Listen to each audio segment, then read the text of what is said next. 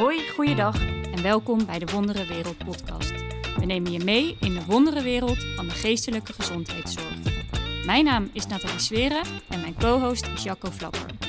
Allebei werken we bij GGZ-instelling Dr. Bosman. Zowel Jacco als ik zullen in aparte afleveringen in gesprek gaan over verschillende onderwerpen die het werken in de GGZ raken. Leuk dat je luistert! Goedemiddag, Floortje Schepers en Emily Merks. En uh, welkom vandaag bij deze aflevering over de netwerkintake. Nou, grote eer dat jullie uh, hier willen verschijnen in onze podcast. Het lijkt me goed als jij, Floortje, je eerst voor wilt stellen en, uh, en Emily, jij daarna. Zodat iedereen weet met wie we hier zitten. Ja, mijn naam is Floortje Schepers. Ik ben kinder- en jeugdpsychiater in het UMC Utrecht. Ik ben daar ook afdelingshoofd um, en heb een leerstoel innovatie daar. Dus ik hou me bezig met allerlei projecten die, nou ja, een beetje proberen bij te dragen aan de transformatie in de zorg en dan in het bijzonder de GGZ. En verder werk ik als wetenschappelijk directeur bij kenniscentrum Vrenos, wat zich richt op mensen met ernstige psychische problemen. En um, we hebben in het UMC Utrecht een netwerk intake ontwikkeld waar het vandaag over gaat. Ja, leuk. Heel leuk. Ik ben Emily Merks en ik ben GZ-psycholoog en uh, kinder- en jeugdpsycholoog NIP binnen Dr. Bosman en specifiek onze locatie in Woerden. En daarnaast ben ik uh, projectleider op een wetenschappelijk onderzoek binnen Dr. Bosman, uh, wat we doen in samenwerking met het UMC Utrecht naar de netwerkintake. Dus in die hoedanigheid uh, mag ik aansluiten vandaag. Leuk, nou ik ben heel benieuwd. nou ja, ik denk de mensen die aan het luisteren zijn, die zullen vast denken, de netwerkintake, wat is dit? Dus ik zou zeggen, brand los. Ja. Nou ja, de netwerkintake is eigenlijk ontstaan omdat we de afgelopen decennia psychiatrische problemen heel lang hebben gezien als uh, medische problemen. En in, die, in dat medische denken is, is een heel lineair denken dominant, waarbij je ervan uitgaat dat mensen die psychische problemen hebben, dat die een stoornis hebben of een aandoening, en dat je die als individu voor die aandoening moet behandelen. En als we nou kijken naar de afgelopen jaren, dan merken we eigenlijk in de praktijk, maar komt ook uit wetenschappelijk onderzoek, dat de psyche een veel complexer fenomeen is. Mhm. Uh, en dat die lineaire benadering dus eigenlijk niet zo past. En uh, dat we vanuit eigenlijk veel integraler, holistischere kijk uh, die complexiteit zouden moeten benaderen. Dat is op zich niet nieuw, want al heel lang geleden waren er systeemdenkers die zeiden dat je dat zo moest doen.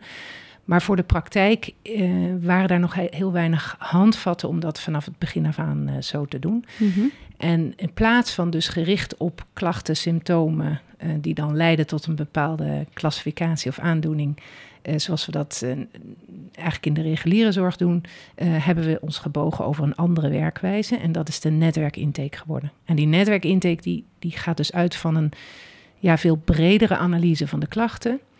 En probeert te kijken naar um, alle factoren die in het leven van iemand een rol hebben gespeeld bij die psychische ontregeling waar iemand voor komt.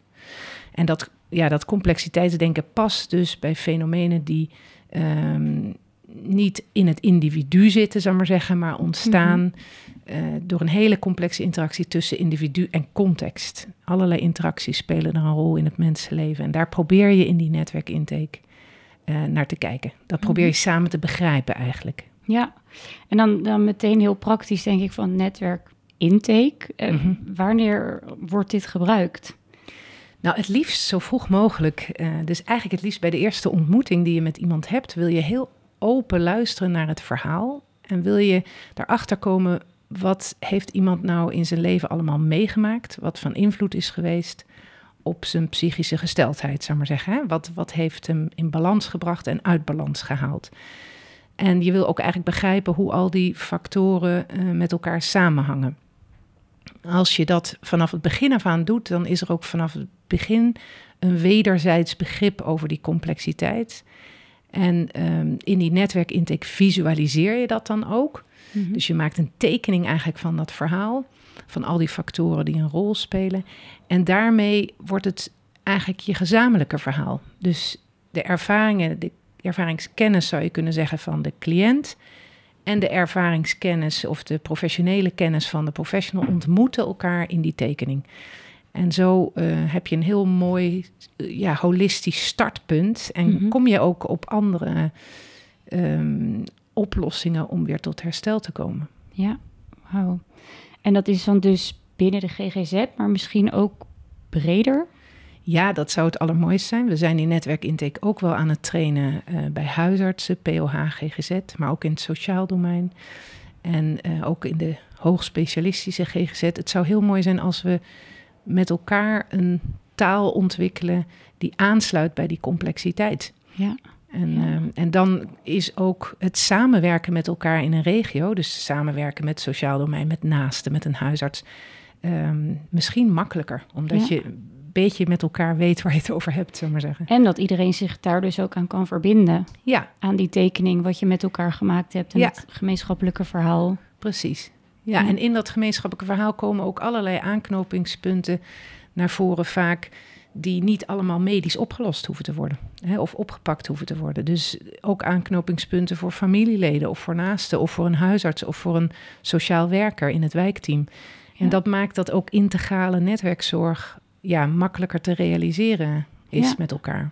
En dus eigenlijk het netwerk gestabiliseerd wordt eromheen om allemaal... Ja, Oh, wat interessant. Ja, En, en dat is ook, vind ik ook heel ehm, mooi eraan dat je krijgt in die tekening dus nou ja, zicht op wat er niet goed gaat, of waar mensen last van hebben. Maar je krijgt ook zicht op krachtbronnen waar mensen steun aan ervaren. Dat Mooi. kunnen andere mensen zijn, maar dat kunnen ook hobby's zijn of, of dingen die misschien vroeger een steun waren, maar verdwenen zijn naar de achtergrond.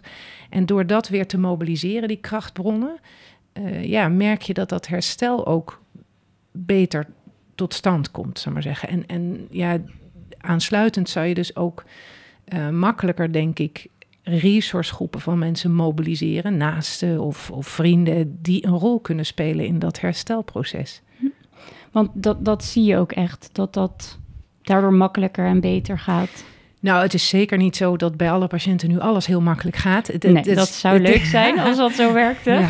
Nou, sterker nog, het is, het is ook wel eh, vaak de valkuil eh, als je met de netwerkintake aan de slag gaat en je, en je ziet het als iets wat simpel is, hè? of wat eenvoudig is. Van, oh, dan gaan we een tekening met bolletjes maken. Nou, appeltje, eitje, dat kan iedereen. Hè? Maar juist ehm, het besef dat het er makkelijker uitziet dan het is, is heel belangrijk. Dat je echt ehm, ja, je reflexen onderdrukt van nou, ik weet wel ongeveer wat er aan de hand is en ik, ik, ik heb wel een op- oplossing in mijn, eh, in mijn Mhm. koffertje zitten. Dat moet je onderdrukken. Het gaat er echt om dat je helemaal aansluit bij dat verhaal van die ander en ruimte creëert om daarin alles aan bod te laten komen. Ook dingen die misschien in eerste instantie helemaal niet zo belangrijk lijken of eh, voor jou belangrijk zijn als professional. Mhm. Juist om de, ja, de, de totale omvang van die complexiteit goed in beeld te krijgen. Dus is dat dan om, om je goed te begrijpen dat je gewoon heel open erin gaat en, Ja. en alles er is en niet dat je al zelf in je hoofd hebt van, oh wow, je- iemand eh, kijkt me niet echt aan, dus je hebt meteen een soort idee welke kant je op gaat in je achterhoofd, maar dat Ja. je dus heel open blijft Absoluut. eh, met alles wat er komt en alles wat er speelt. Ja. Sna- snap ik het dan ja, goed? dan snap je het goed. Echt, echt een hele open blik, waarin je niet je, je, nou ja, je reflexen inzet van, oh, dit kan ik al eigenlijk een soort van ordenen in mijn hoofd. eh, Mhm. Wat de meest waarschijnlijke klassificatie zal check, zijn. check, check, check, check. En dan vraag ik nog wat door op een paar extra symptomen, dan weet ik het zeker. Nee, het gaat er echt om dat je de samenhang der dingen in beeld eh, probeert te brengen. En dat, eh, dat je klachten ook echt ziet als signalen, maar niet als aandoeningen of stoornissen. Ja, En dat er een heleboel achter kan zitten wat die klachten heel logisch kan veroorzaken. Dat je daar ja. zicht op wil krijgen. ja. Ja. Oh, wat echt heel cool. En ik denk, Maar- om, om een beetje aan te vullen, ik denk wat het ook ingewikkeld, of nou niet zozeer ingewikkeld, maar wat het minder simpel maakt, is dat het echt wel een verschuiving is van hoe er de afgelopen nou, jaren vaak over Ja. gedacht is. En ook hoe, noem het even, een, een opleidingen zeg maar ingericht zijn. Het gaat veel over klassificaties. Mhm. Ehm, als ik nu ook met onze teams bijvoorbeeld binnen Dr. Bosman in gesprek ga over die netwerkintake, hoor ik toch veel terug van ja, maar we moeten voor de gemeente of we moeten voor de zorgverzekeraar moeten we die klassificatie hebben. Dus hoe doen we dat dan? En dat dat maakt dat het eigenlijk eh, niet zo simpel is als dat het lijkt. Nee. En, en wat zeg je dan? Wat, hoe, ga, hoe wordt daarmee omgegaan? Want dat is heel ingewikkeld. Want, dat, dat is heel ingewikkeld, maar de verandering moet ergens vandaan komen. En als, Mhm. we, als we wachten tot een ander die verandering inzet, dan kan je lang, je lang wachten. wachten. Ja, Ja, dus ja. is het belangrijk om dan toch op het moment dat we met z'n allen achter dit gedachtegoed staan, zelf die verandering in eerste instantie in gang te zetten. In de hoop dat uiteindelijk dat soort instanties gaan volgen. Ja, ja. Ja, maar ja, dus, dus je draait hem om. Dus ook al moet je je misschien nog wel een beetje voegen naar de gemeente om, nou ja, laten we eerlijk zijn, uitbetaald te krijgen. Maar wel met de cliënten en met de, de netwerk, netwerk en iedereen pak je hem anders aan en vlieg je hem anders aan. Ja, wel door in eerste instantie in dat intakegesprek en klassificatie, nou ja, niet op de voorgrond te laten staan. Ja, Niet leidend te laten Ja. zijn. ja, Ja, ik denk dat dat de, de tijd die je daarvoor neemt, de rust en de ruimte die je daarvoor neemt, betaalt zich echt dubbel en dwars terug in de rest van het traject. ja, Want niet alleen wordt dat verhaal iets van jullie beiden. Kijk, heel vaak zeggen patiënten ook van ja, ik heb mijn verhaal, dan vertel ik dat. En dan zie ik die professional zo knikken. En dan moet ik er maar van uitgaan dat die professional het allemaal goed begrepen heeft en Ja. in zijn hoofd de juiste conclusie trekt. ja, Terwijl als je die tekening samen maakt, dan ligt het letterlijk op tafel tussen jullie in. En dan wordt het dus ook van jullie samen. Je kunt de woorden kiezen die, die passend zijn. Je kunt het eh, dingen groter of kleiner tekenen als dat noodzakelijk is. En als je allebei zeg maar, consensus hebt over die tekening, dan is dat je uitgangspunt. En wat het mooie is, dat betekent dus dat die verantwoordelijkheid niet alleen maar bij jou op jouw bordje ligt als Ja, professional dat dat je het moet fijn. oplossen, maar dat Ja. je het samen gaat oplossen. Ja. En kijkt wat ook de rol van naaste daarin kan zijn en wat iemand zelf kan doen. En dat maakt dat in het vervolg de verwachting is, en dat blijkt ook wel een beetje uit de eerste ehm, eh, resultaten van, van eh, hoe we dat monitoren, dat je dus niet alles meer medisch oplost, maar dat er ook alternatieve oplossingen eh, naast gaan staan. Ja, En dat is voor een gemeente natuurlijk uiteindelijk ook alleen maar fijn. alleen Als- maar winst. Ja, Ja, en jullie hebben het telkens over, over een tekening. Eh, hoe kunnen jullie kort uitleggen hoe dat dan werkt, zodat er een beetje een idee is? We hebben natuurlijk, ja, het is geluid, dus we kunnen het niet laten zien. Maar ik hoor tekening groter, kleiner. eh, hoe? Vertel. Je kan het je een beetje voorstellen als een soort spinnenweb of een woordweb.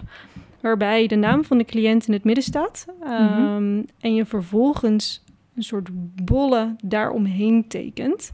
Met de belangrijke thema's in, eh, daarin geschreven.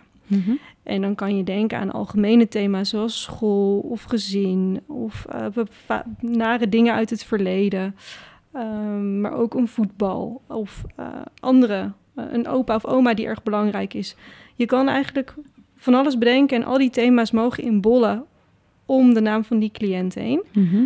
Ehm, die thema's kunnen vervolgens ook weer aan elkaar gelinkt worden. Op het moment dat iemand bijvoorbeeld heel somber is en er komt naar voren dat iemand op school gepest wordt, dan kan die somberheid misschien voortkomen uit dat pest, die pestervaringen. Mhm. Ehm, waardoor je ook verbindingen kan maken tussen die bollen. En eigenlijk op die manier inzichtelijk kan maken van hoe bepaalde thema's zich tot elkaar verhouden. Ehm, waar bepaalde dingen misschien vandaan komen. Ehm, de krachten die naar voren komen en die een positieve invloed hebben op iemand. Mhm. Maar dus ook de dingen die lastiger zijn. Ja. En op die manier krijg je eigenlijk een soort woordweb. Ehm, ja, een bollenschema wordt het ook wel genoemd. Of de, nou ja, de, de netwerktekening ligt er net een beetje Mhm. aan wat voor naam je eraan geeft. Met eigenlijk gewoon een heel overzicht van nou ja, wat er speelt. Maar het klinkt ook heel inzichtelijk. Want ik kan me voorstellen dat, dat iemand komt en een soort van... wow, wat gebeurt er nou allemaal? En help, help, help. En dat Ja. je daarmee al meteen een soort overzicht creëert van... hé, hey, wat speelt er nou allemaal? En wat heeft invloed op wat? En, en wat, wat heeft een positieve invloed en wat niet? Eh, Dat scoor je ook, hè, als je, tenminste, zo is het eh, zeg maar in de netwerkintake beschreven, maar in de praktijk hameren we er ook op dat je het vooral niet als een in beton gegoten trucje moet toepassen, mhm. maar echt het gesprek leidend moet laten zijn. Maar in principe is ook de bedoeling dat je die, die bolle scores geeft, dus eh, plusjes geeft als het helpend is, minnetjes als het in de weg zit. Mhm. En dat kun je ook nog aanzetten door er dubbele plussen of dubbele minnen van te maken. En een is-teken is dan neutraal. Oké. En daarmee krijg je dus inderdaad, wat jij zegt, een overzicht van wat er allemaal speelt. Maar ook hoe de balans tussen de kracht en de, eh, nou ja, de, de belemmerende factoren is. En, Ja, en het, het, het is aan de, aan de ene kant dus heel fijn om dat overzicht te krijgen. En aan de andere kant hoor je ook patiënten zeggen: Oh, het is echt overweldigend oh ja. wat er nu allemaal op die tekening staat. En toch is dat goed, Want het schetst ook gewoon wat het is. Ja. Dus mensen realiseren er. zich opeens ook van ja, dit gaan we dus niet simpel met een pilletje fixen. Ja. er is wel wat meer te doen dan dat. En dat helpt. En daarna ga je ook weer prioriteren, waardoor dat overweldigende gevoel wel weer een beetje wegzakt. Maar het is, het is heel mooi om te zien eh, ja, hoe het echt tot een soort van ja, inzicht inderdaad leidt in, eh, in hoe de dingen samenhangen met elkaar. ja. Wat dat betreft is het ehm, vaak ook al een, een eh, interventie aan zich. Ja. Dat het echt ook door cliënten ervaren wordt als ehm, super inzichtgevend. En dat ik merk dat na zo'n intakegesprek of in vervolggesprekken dat nog terugkomt als... dat heeft me al zoveel eh, inzicht gegeven in hoe bepaalde verbanden liggen... of waar dingen vandaan komen. Ehm, en ik heb ook eigenlijk nog nooit gehad dat iemand geen foto wilde maken van de tekening na het intakegesprek. Eigenlijk willen Mhm. mensen altijd direct een foto hebben om het thuis nog eens terug te kunnen kijken. Mooi. Ja. Ja, dus dat geeft denk ik ook wel aan hoe eh, prettig cliënten het over het algemeen vinden Ja. en hoe inzichtgevend.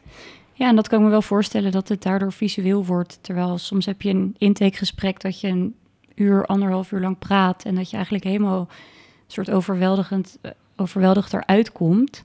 En dit geeft wel een soort inzicht van waar hebben we het eigenlijk over gehad en Ja. hoe, hoe verhoudt zich dit. En ja, En zelfs ook bij kleine kinderen. Toevallig dat ik vorige week nog een intakegesprek heb gehad van een jongetje van acht. En die helemaal enthousiast was en echt op het bord wilde aanwijzen wat dan de plusjes en de minnetjes Oh, waren. goed. En die helemaal betrokken werd daardoor. Ja. Zo normaal gesproken zou een jongetje van acht misschien na een kwartier afgehaakt zijn en denken, wat doe ik hier nog? ja, en de ouders vertellen wat er allemaal moeilijk gaat en wat er Precies, ingewikkeld dus is. zelfs en, ook met jongere kinderen merk ik dat het eigenlijk een hele fijne manier is om eh, ook jongeren eh, Ja. ja, om ze erbij te betrekken.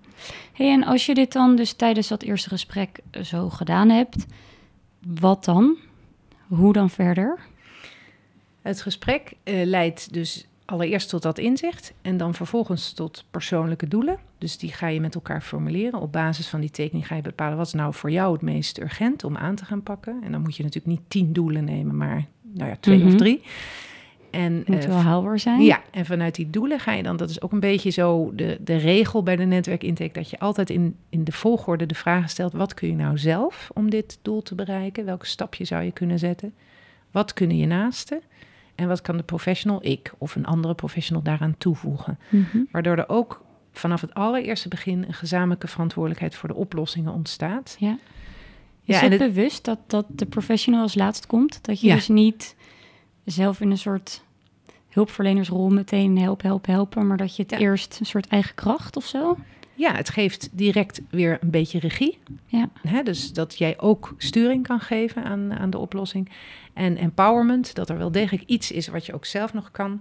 Sommige mensen vinden het heel moeilijk om iets te verzinnen, maar dan kun je altijd wel in gesprek tot iets heel kleins komen wat dan toch mogelijk is. Eh, dus dat. En, en het geeft ook een gedeelde verantwoordelijkheid. Ik denk dat dat heel belangrijk is. En wat ik ook wel terughoor van professionals, wat als een relief kan voelen. Dat je niet meer met de gouden oplossing hoeft te komen. Ja. En alles hoeft te fixen. Ja. Want ja, zo werkt het gewoon niet. Nee. Nee. Nee, nee, nee precies, nee. Ehm, Nog heel even over die tekening, hè? want we hadden het er net over eh, eh, dat het dus voor mensen heel veel inzicht geeft. Maar wat ik ook hoor, en dat is vooral dan bij de mensen die wat angstig zijn of wat rigide zijn, die vinden het soms heel lastig om een onderwerp los te laten, omdat ze dan zeker willen weten dat je het goed begrepen hebt. En juist door die tekening, door het op te schrijven, kun je letterlijk zeggen, nou, het staat hier, hè? Ja. dus het is belangrijk. Ik kan er zelfs nog een rode cirkel omheen zetten om Mhm. te laten zien dat het belangrijk voor je is. Maar we gaan het nu even parkeren en we kunnen door naar een volgend onderwerp. En dat, dat gaat dus makkelijker ja, als je goed. dat hebt getekend, dan als jij in je hoofd zegt dat hebt opgeslagen en zegt ja, ja, ik heb het Ik gehoord, ik heb het Ja, gehoord. ja, ja. Dus dat, dat, eh, dat helpt ook, ja. Ja, wat goed. Mooi. En ik vroeg me ook nog af, hoe werkt dat als eh, mensen dit dan nu horen en denken van... wow, hè, dit is wel echt super interessant en ik zou dat ook wel eens willen proberen. Hoe kan zomaar iedereen het gaan doen? Of moet je erin geschoold zijn? Of hoe, hoe werkt dat eigenlijk? Ik weet eigenlijk niet, maar dat kan jij wel zeggen, Emily, hoe dat binnen uh, Dr. Bosman nu gaat. Maar uh, in ieder geval is er een, een, een training, workshop voor de netwerkintake die verzorgd kan worden vanuit het UMC Utrecht. Maar inmiddels zijn er ook wel in het land trainde trainers gegeven. Dus Mhm. ook dat is mogelijk. Maar er komt ook volgende maand een e-learning vrij. Oh, wat En- interessant. Ja, en die, de- daar staat alle achtergrond, theoretische achtergrond. eh, alle stappen staan goed uitgelegd met ondersteunende filmpjes en casuïstiek. En ehm, dat is een, een hele eh, mooie uitgebreide e-learning die gratis voor iedereen beschikbaar komt. Oh, wat goed. En je kunt daar ook een toets doen. Daar moet je dan wel een klein beetje voor betalen, want daar krijg je ook accreditatiepunten voor. Geaccrediteerd. Mooi. Ja, Goed geregeld. maar eh, dat gaat zeker helpen. En ik denk, en daar zijn we een beetje naar aan het zoeken, want we ook, ook samen met dokter Bosman willen we hier echt wel in optrekken, dat we ook toch iets ehm, verzinnen dat we één keer per jaar of twee keer per jaar bij elkaar komen met eh, mensen die met de netwerkintake bezig zijn, om met elkaar daarover van gedachten te wisselen en te reflecteren. En hoe gaat het nou in de praktijk? Omdat het dus meer is dan alleen maar een trucje. Het, het gaat echt over anders denken en anders handelen in de praktijk. Echt het gedachtegoed erachter. Dus die e-learning is denk ik hartstikke handig al, maar eh, fysiek bij elkaar komen en een soort intervisieachtige bijeenkomsten. Do- doen jullie dat bij eh, Dr. Bosman? We doen het nu bij, bij Dr. Bosman vooral binnen de teams zelf. Dat we Ja. een soort intervisieachtige bijeenkomsten hebben. Ehm, maar ook vanuit ons projectteam, wat echt onderzoek ook doet naar de implementatie van een netwerkintake. Dus daarin is onze onderzoeksvraag ook vooral: wat heeft een team of een organisatie nodig Precies. om de netwerkintake goed te kunnen implementeren? Eh, zijn we ook bezig met antwoord vinden op die vragen en een handreiking eh, te schrijven aan andere GGZ-instellingen over onze bevindingen daarin. Mhm. Eh, en wij Misschien het- een beetje vroeg, maar is er heb- al, hebben jullie al een beetje een idee of richting? Of kan, mag je daar nog niks over loslaten? Jawel hoor. Het is nog wel een beetje vroeg in het onderzoek om echt daar ehm, nou ja, echt grote bevindingen te kunnen noemen.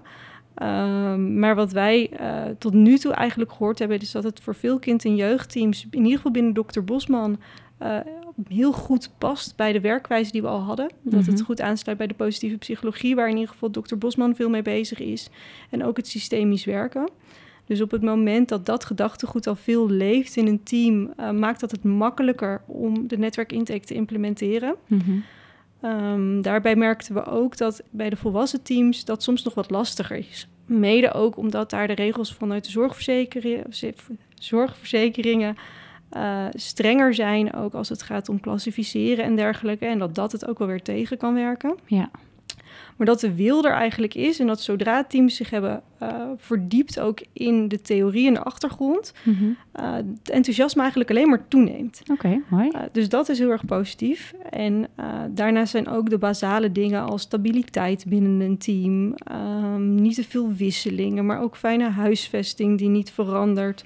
Uh, belangrijke dingen die ervoor zorgen dat het lukt om het te implementeren. Mhm. Um, dus dingen als een verhuizing of inderdaad het, het samenvoegen van twee teams en zo. Dat, dat kan het ingewikkeld maken. Ja. Um, dus stabiliteit is, is een belangrijke basisfactor, zeg maar.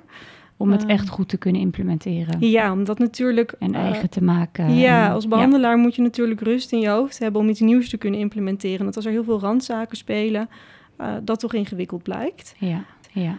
Ja, ik, ik hoor altijd heel veel mensen die heel enthousiast hierover zijn. En het is een soort, uh, nou het is al een paar jaar gaande, maar wel een vooruitstrevend idee. En best wel een grote verandering is daardoor ook gaande, uh, nou ja, binnen de GGZ, maar ook erbuiten. Maar stuiten jullie ook wel eens op mensen die, uh, die weerstand hebben of die ook zeggen van ja, maar we hebben wel klassificaties nodig of, of rondom het medicaliseren en het klassificeren. Hoe is dat? Wat is jullie ervaring daarmee? Ik ervaar binnen de teams die ik tot nu toe gesproken heb niet zozeer weerstand, maar wel veel vragen over hoe pakken we dat dan aan en hoe doen we dat dan. Dat toch ook veel teams gewend zijn um, om bepaalde checklists langs te lopen tijdens een intakegesprek over een risico-inventarisatie of bepaalde klassificerende tools. Uh, en dat het eigenlijk heel spannend is om die los te laten. Het is een bepaalde structuur die je gewend bent en vaak al jaren gebruikt. En dat het meer de spanning is of, of, ja, om iets nieuws uit te proberen. En ook de angst om dan dingen te missen. Mhm. En um, ja, krijg je dan wel alles boven tafel in zo'n, uh, in zo'n gesprek? Daar zijn dan vaak vragen over. En um, het is niet zozeer weerstand, maar, maar uh, veel vragen op dat gebied. Ja, van hoe dan? Ja. ja. ja. Ja, en ik herken inderdaad niet echt weerstand en zeker wel wat jij ook zegt, de, de angst om dingen los te laten. Ehm, misschien zit dat ook wel iets sterker nog bij de psychiaters dan bij andere professionals, omdat die nog meer opgeleid zijn in zo'n medisch model. Ja. En dat is toch de valkuil waar we vaak instappen, dat we weer in die reflex van dat lineaire denken zitten. En Ja. eigenlijk is dat niet eens alleen in de gezondheidszorg, dat is in het hele leven, want het is zoveel makkelijker als het lineair is. A Ja. leidt tot B en gaan we dus behandelen met C. Heel overzichtelijk. Ja, terwijl A leidt tot B, maar B, B beïnvloedt A weer, waardoor A daarna niet meer tot B, maar tot C leidt. En eigenlijk alleen als D in de buurt is. En D komt alleen maar langs als E en F eh, toevallig ook in de buurt zijn. Ja, wel en, echt. En, en, en zo gaat dat over en weer en al die interacties beïnvloeden elkaar. En dat complexe samenspel van mens en omgeving, dat vinden we heel erg moeilijk. En Ja. dat is ook moeilijk. Het is heel hè? ongrijpbaar. Ja, dus je hebt he- veel liever een vragenlijstje en een lineair model om dat aan te vliegen, omdat het houvast geeft. Ja. En, eh, en dat is volgens mij de Is kunst. een soort schijnhouvast? Ik denk het. Ja, we houden ons liever vast aan richtlijnen en protocollen dan aan elkaar. En als we nou dat laatste voor elkaar krijgen, dat we echt als teams hierin optrekken, elkaar consulteren als het moeilijk is, ehm, ruimte geven juist aan die complexiteit, dan denk ik dat we vele betere zorg met elkaar gaan leveren. Ja. Maar het vraagt wel inderdaad, ehm, ja, wel wat moed. ja. Ja. Hoe zou het er in de perfecte wereld voor jou uitzien? Nou, ik denk dat ehm, de perfecte wereld echt weer gaat over, over mensen, eh, wie zij zijn, wat ze meegemaakt hebben, eh, waar ze staan in het leven en hoe wij daar als professionals waarde aan toe kunnen voegen. Ja. En dat is, ehm, ja, dat vraagt dus ook wat meer bescheidenheid van ons als professionals, dat wij maar passanten zijn in dat leven en dat we alles wat we in onze macht hebben om eh, waarde toe te voegen moeten inzetten, maar dat het vooral over die ander gaat. Ja. En dat dat Mooi. verhaal centraal staat. Dat zou mooi zijn als we daar eh, ruimte voor kunnen Dus daar krijgen. zijn jullie heel, hard voor aan het werk om dat, Ja, om dat te steeds een beetje groter te krijgen. Zou mooi zijn. Ja. Hey, en Evelien, nog over, over het onderzoek eh, waar, nou ja, wat, waar jullie allemaal mee bezig zijn. Ehm, wat zou daar een soort van het, het doel van zijn? Want je bent dus bezig met hoe wordt het goed geïmplementeerd. Wat, wat zou daar een soort prachtig einddoel voor zijn? Nou, een prachtig einddoel zou zijn als we straks binnen Dr. Bosman in ieder geval helemaal werken met de netwerkintake. Daar zijn Mhm. we ook hard naartoe aan het werken. Maar ik vind het eigenlijk nog belangrijker dat we echt de tools eh, kunnen destilleren ehm, die we ook mee kunnen geven aan andere organisaties. En ehm, als projectteam vinden we het ook alleen maar heel leuk om mee te denken met andere organisaties die hier ook mee willen gaan werken. Ehm, dus ik hoop gewoon ook eigenlijk dat we met dit project heel veel andere organisaties enthousiast kunnen krijgen over die netwerkintake. Ja. Ehm, en het niet alleen binnen Dr. Bosman goed kunnen uitrollen, maar ook mee kunnen denken in hoe ze dat bij andere GGZ-instellingen weer kunnen doen. Ja, en stel nu dus dat, dat andere instellingen eh, jouw of jullie verhaal horen en deze, deze aflevering horen. Wat kunnen ze doen? Mij mailen. Kunnen ze iets doen? Dus ik mogen altijd een mailtje sturen naar netwerkintake.drbosman.nl. Ehm, dan kom je rechtstreeks bij mij uit en eh, onze onderzoeksassistent. En eh, wij vinden het sowieso leuk om in contact te komen en na te denken over hoe we het, eh, nou ja, de implementatie op andere plekken vorm kunnen geven.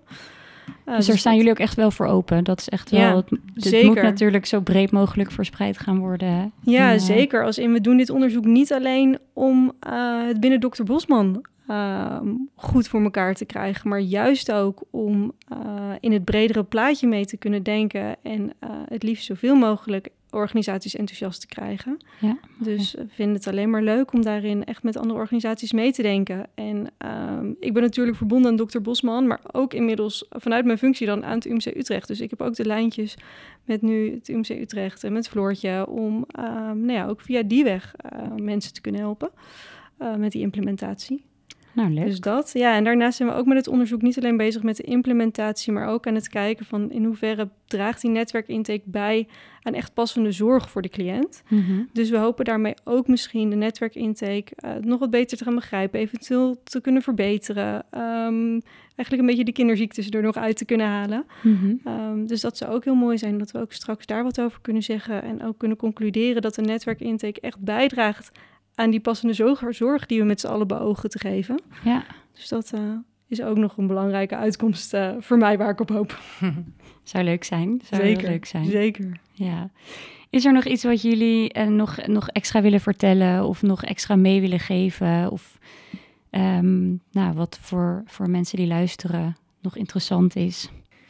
Het enige wat ik altijd erg leuk vind om terug te horen als mensen iets gaan doen met de netwerkintake, om uh, uh, hun ervaringen te horen. Dus uh, hoe het ze afgaat en dat het soms nog een beetje ploeteren is, maar ook wel iets oplevert, hoop ik. Dus als mensen dat willen laten horen, via Emily of via mij, dan ja. graag.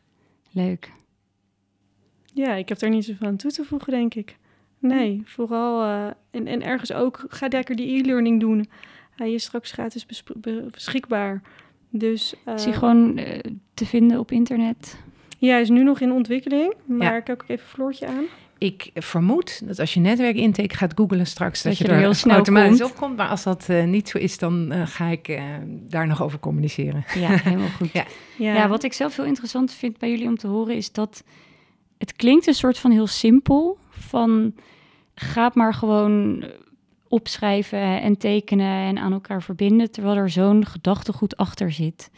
Um, terwijl volgens mij, als je dat gedachtegoed een beetje snapt, kan je het wel snel. Heb ik het idee dat je het snel eigen kan maken en ja. snel in de, in de praktijk kan brengen. En natuurlijk, uh, die e-learning is super fijn, maar ik kan me ook voorstellen dat het. Ja, je hoeft niet een driejarige opleiding of iets te doen, maar dat het gewoon heel toepasbaar is en dat je het heel snel in kan zetten en profijt ervan kan hebben. Zeker. Zeker. En ik denk dat het ook gewoon heel erg aansluit bij de veranderingen die dus ook sowieso al een beetje leven binnen de GGZ. Ook als je kijkt inderdaad naar dat meer systemisch werken en, en thema's als reificatie, waar je het ook al in een eerdere podcast over ja, gehad hebt. Klopt. Dat zijn allemaal dingen die hierin meegenomen zijn en die gewoon langzaam steeds meer een beetje weggaan van dat klassificerend denken en meer kijken naar de mens met zijn verhaal. Um, en daarbij aansluiten in plaats van die klassificatie leidend laten zijn. En ik denk dat het gewoon zo aansluit bij alle veranderingen die er in de afgelopen jaren nou ja, langzaamaan bijgedragen hebben dat we nu staan waar we staan. Ja. Um, dat dat gedachtegoed, je kan je ook al heel veel vinden online. Als je nu een netwerk intake googelt, kan je daar ook al heel veel over lezen. En hoef je ook niet te wachten op de e-learning. Nee, nee. Um, en zouden jullie tegen iedereen zeggen, ga het maar gewoon doen? Of... Nou, ik vond die volgorde die je net noemde wel heel goed. Eerst dat gedachtegoed, je goed eigen maken. En dan ga het maar gewoon doen. Want als je dit gaat doen met oud lineair denken, dan weet ik niet of het gaat werken. Nee. Dus, uh, en, en doe het misschien niet in je eentje, maar doe het met een paar collega's, zodat je met elkaar ook kan sparren over hoe het gaat. Ja. ja en elkaar kan helpen op momenten dat je denkt, hoe, hoe ga ik nou verder als iemand zijn mond stijf dicht houdt of als uh, de tekening zo'n chaos wordt dat ik het ook niet meer overzie. Ja. Nou, er zijn allemaal ervaringen mee uh, die je kunt gebruiken om weer verder te komen daarmee. Ja, ja. mooi. Mooi. Nou, ja, sluit me daarbij aan. nou, heel veel dank. En uh, maar gewoon hopen dat zoveel mogelijk mensen zich dit eigen gaan maken. En uh, daardoor heel veel netwerken geholpen worden. Dat zou mooi zijn. Heel veel dank. Graag gedaan. Graag gedaan. Dit was de Wondere Wereld podcast. Een podcast mede mogelijk gemaakt door Dr. Bosman. Muziek wordt gedaan door Noodweer Music. Bedankt voor het luisteren.